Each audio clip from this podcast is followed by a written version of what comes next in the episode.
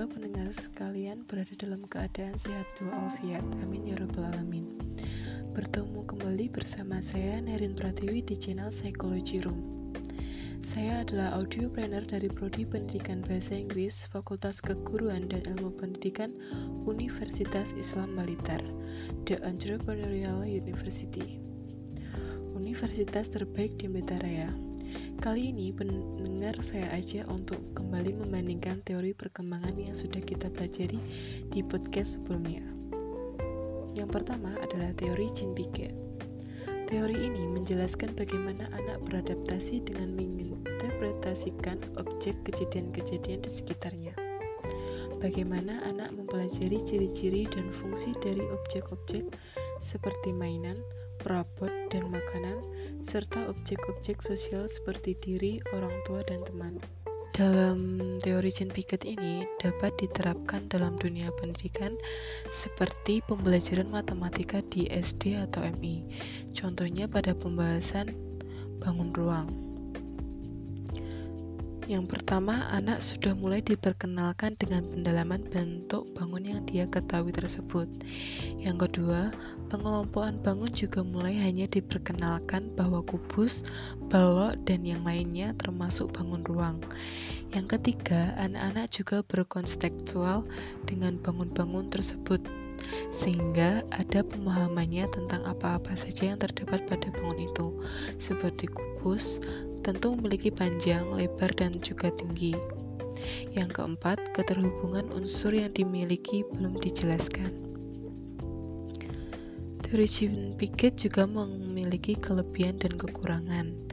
Kelebihannya yang pertama adalah menjadikan siswa lebih kreatif dan mandiri. Yang kedua, membantu siswa memahami bahan belajar secara lebih mudah.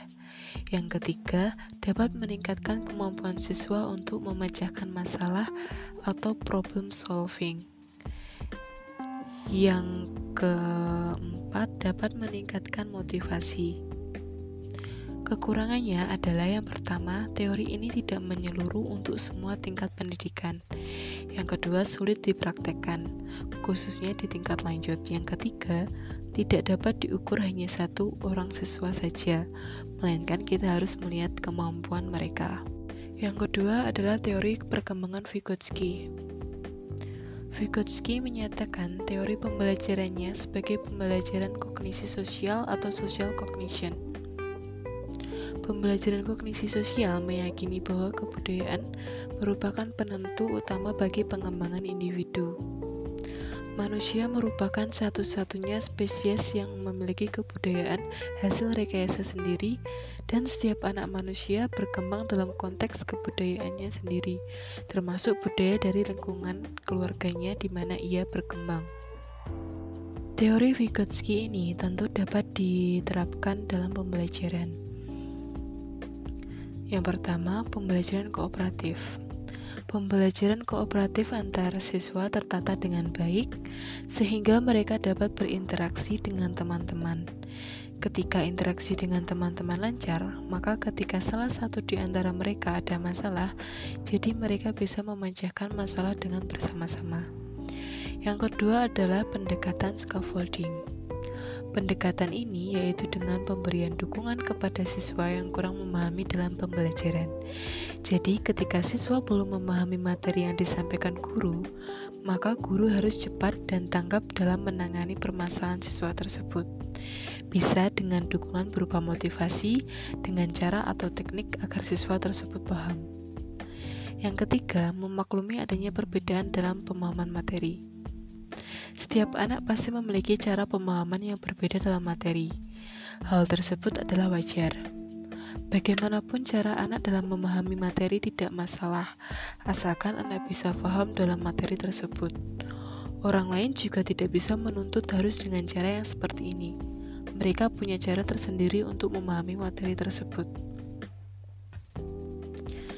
Nah, di dalam teori Vygotsky ini terdapat kelebihan dan kekurangan.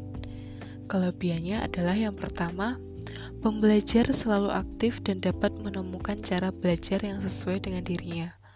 Yang kedua, menghasilkan individu atau anak yang memiliki kemampuan berpikir untuk menyelesaikan setiap masalah yang dihadapi.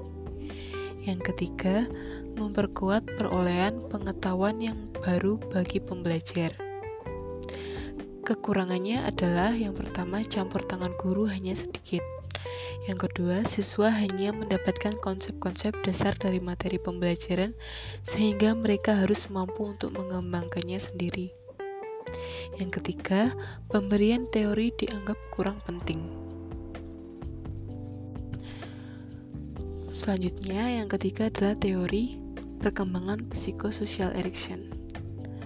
Nah, teori ini belum saya jelaskan sebelumnya. Di podcast saya yang dahulu-dahulu next time insya Allah saya akan jelaskan lebih detailnya pada podcast selanjutnya. Oke teori perkembangan psikososial Erik Erikson ini merupakan pengembangan lanjut teori perkembangan Freud.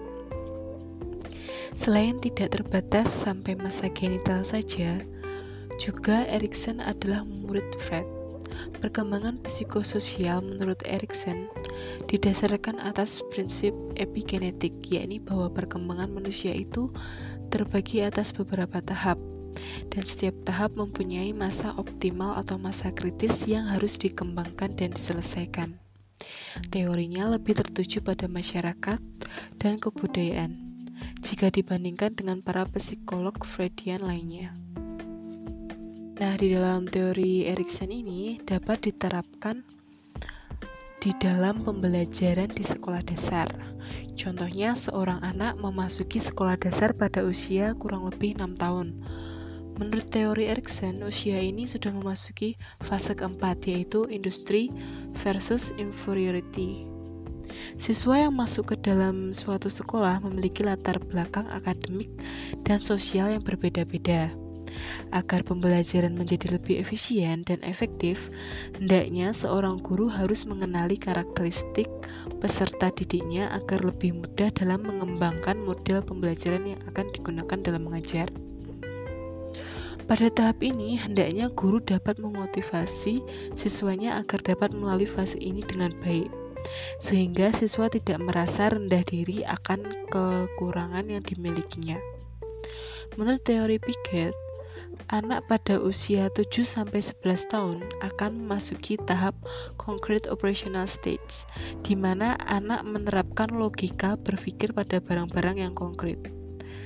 Pembelajaran karakter sangat tepat diterapkan pada anak usia ini. Sebab anak pada usia ini cenderung untuk meniru segala perbuatan maupun perkataan yang dilihat maupun didengar yang dilakukan oleh orang-orang yang berada di sekitarnya. Oleh sebab itu, hendaknya seorang guru mampu memberikan contoh yang baik kepada anak usia ini dengan berperilaku dan bertutur kata yang sopan. Pembelajaran karakter ini diharapkan dapat menjadi bekal bagi siswa untuk dapat melewati fase-fase perkembangan psikososial selanjutnya dengan baik.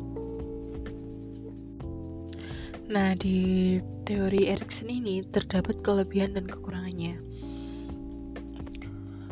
Banyak orang lebih memilih teori Erikson daripada Freud, karena mereka hanya menolak untuk percaya bahwa manusia didominasi oleh naluri seksual mereka. Erikson menekankan banyak konflik sosial dan dilema pribadi yang dialami seseorang atau orang yang mereka kenal, sehingga mereka dapat dengan mudah mengantisipasinya. Erikson tampaknya telah menangkap banyak isu sentral dalam kehidupan yang dituangkannya dalam delapan tahapan perkembangan psikososialnya. Selain itu, rentang usia yang dinyatakan dalam teori Erikson ini mungkin merupakan waktu terbaik untuk menyelesaikan krisis yang dihadapi. Tetapi itu bukanlah satu-satunya waktu yang mungkin untuk menyelesaikannya. Selain memiliki kelebihan, Teori Erikson juga memiliki beberapa kelemahan. Yang pertama, tidak semua orang mengalami kasus yang sama pada fase dan waktu yang sama seperti yang dikemukakan Erikson dalam teori perkembangan psikososialnya. Yang kedua, teori ini benar-benar hanya pandangan deskriptif dari perkembangan sosial dan emosional seseorang yang tanpa menjelaskan bagaimana atau mengapa perkembangan ini bisa terjadi. Yang ketiga, teori ini lebih sesuai untuk anak laki-laki daripada untuk anak perempuan dan perhatiannya lebih diberikan kepada masa bayi dan anak-anak daripada masa dewasa. Baik pendengar, sepertinya sudah cukup saya menjelaskan. Banyak sekali pembahasan kita pada hari ini mengenai perbandingan teori perkembangan dari tiga teori ini, yaitu teori Piaget, Vygotsky, dan Erikson.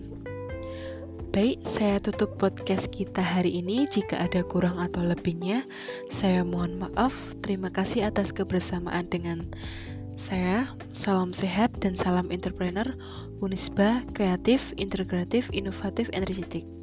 Sampai jumpa.